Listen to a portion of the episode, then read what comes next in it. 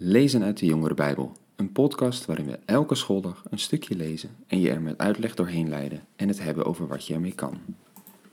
Dag leuke podcastluisteraars. Goed dat je weer luistert naar een nieuwe aflevering.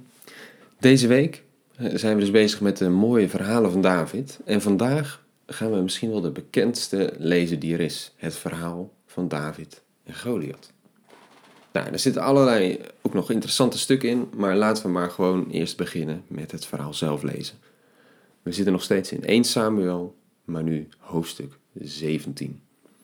Daar staat: De Filistijnen bereiden opnieuw een oorlog voor. Ze verzamelden zich in Sogo, in Juda, en sloegen hun kamp op in Efes Damim, tussen Sogo en Azeka. Saul riep het leger van Israël op en sloeg zijn kamp op in de Terebintenvallei. Daar stelden ze zich op tegenover de Filistijnen. Op de ene helling stonden de Filistijnen en op de andere de Israëlieten. Het dal lag tussen hen in. Uit de gelederen van de Filistijnen trok, trad een kampvechter naar voren, een zekere Goliath uit Gat, een man van zes en een halve el lang. Hij had een bronzen helm op zijn hoofd en droeg een bronzen schubbenpanzer van wel 5000 shekel zwaar. Ook zijn scheenplaten waren van brons, evenals het kromzwaard dat over zijn schouder hing. De schacht van zijn speer was zo dik als de boom van een weefgetouw, en de punt was gemaakt van 600 shekel ijzer. Een schildknecht ging voor hem uit. In het dal bleef de Filistijn staan en riep het leger van Israël toe: Waarom zouden jullie optrekken en slag leveren? Ik ben de trots van de Filistijnen en jullie zijn maar slaven van Saul. Kies iemand uit, uit jullie midden, en laat hem hier beneden komen. Als hij me aan kan en me verslaat, zullen wij aan jullie onderworpen zijn. Maar als ik hem aan kan en hem versla, zullen jullie aan ons onderworpen zijn en ons als slaven dienen. Hierbij daag ik het leger van Israël uit. Stuur iemand hierheen voor een tweegevecht. Bij het horen van deze woorden stonden Saul en het leger van Israël verlamd van schrik. Ja, de Filistijnen. Zij waren vaak in oorlog met Israël. En ook hier staan de legers weer tegenover elkaar.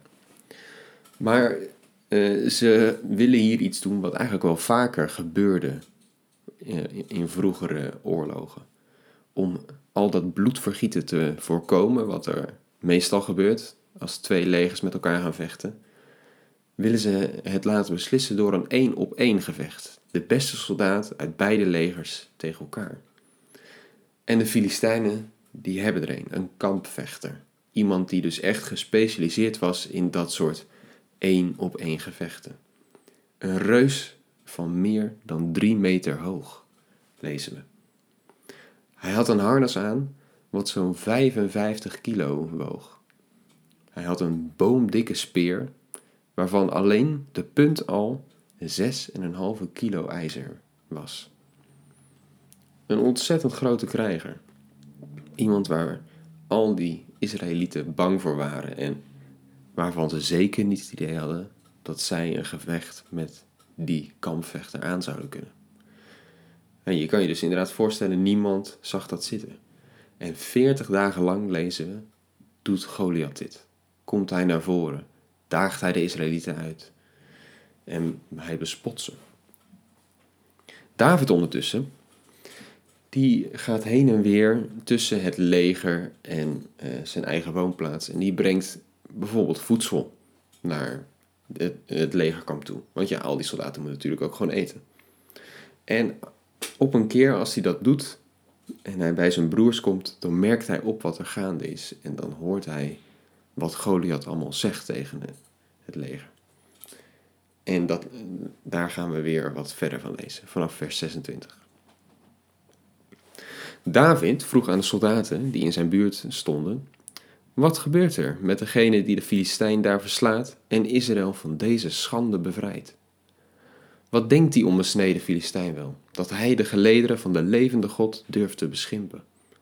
De soldaten herhaalden tegen hem wat ze zojuist gezegd hadden.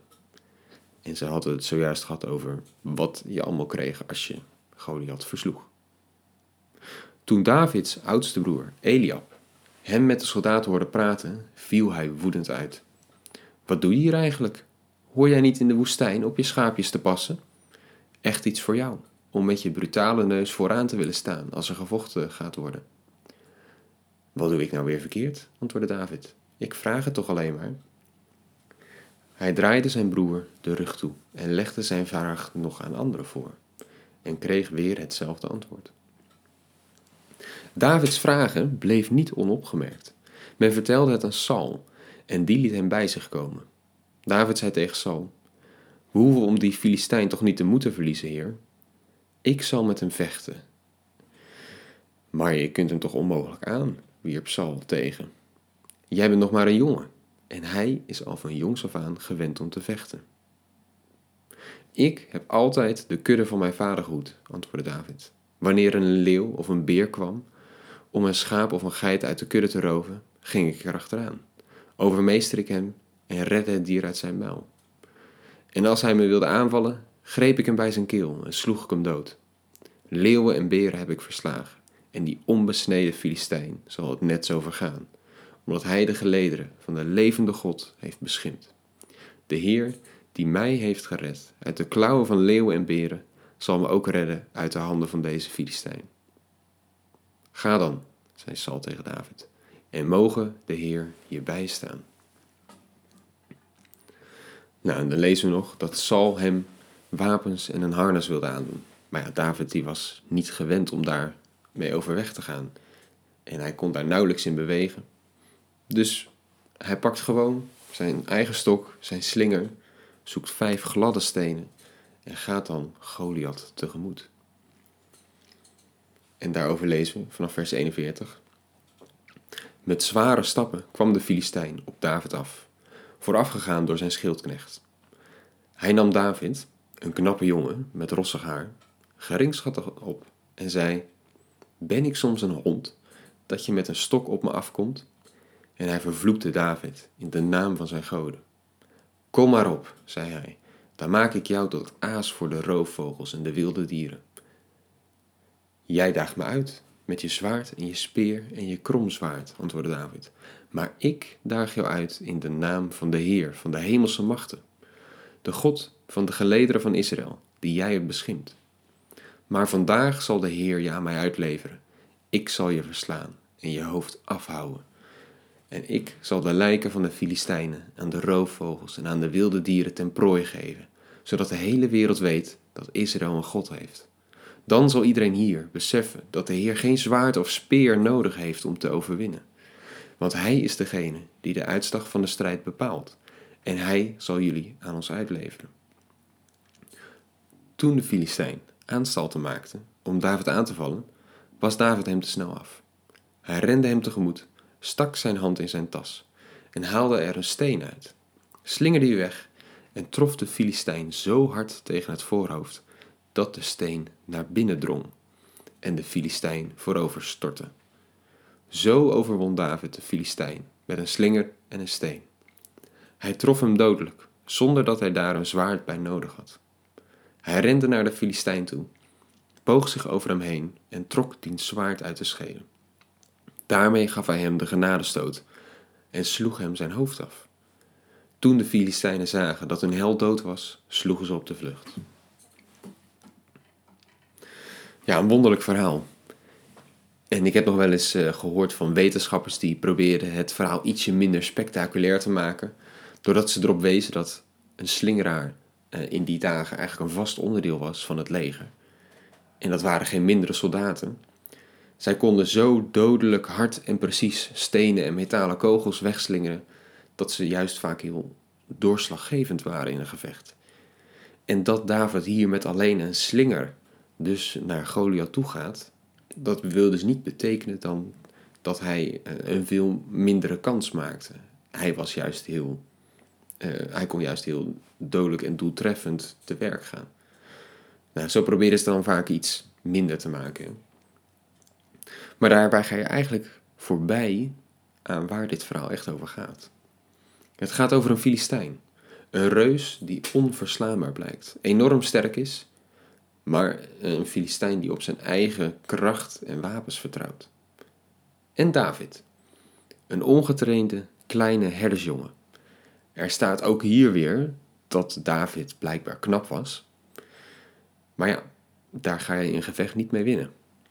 Nee, hij zegt ook van tevoren: Jij, Goliath, hebt je wapens. Ik heb God. En iedereen zal zien dat God sterker is en dat God de uitkomst betaalt. Het was dus brute menselijke kracht tegenover God. En God won. Ja, het blijft een mooi verhaal. En het blijft ook iets waar eh, we steeds uit mogen halen dat je soms reusachtige problemen op je weg tegen kan komen in het leven. Waarvan je je afvraagt of je wel sterk genoeg bent om die te overwinnen. Nou, dan mag je dus weten dat je God aan je zijde hebt. En dat Hij je alle kracht kan geven die je nodig hebt. Iets om mee te nemen vandaag. Morgen gaan we weer verder met een ander verhaal van David.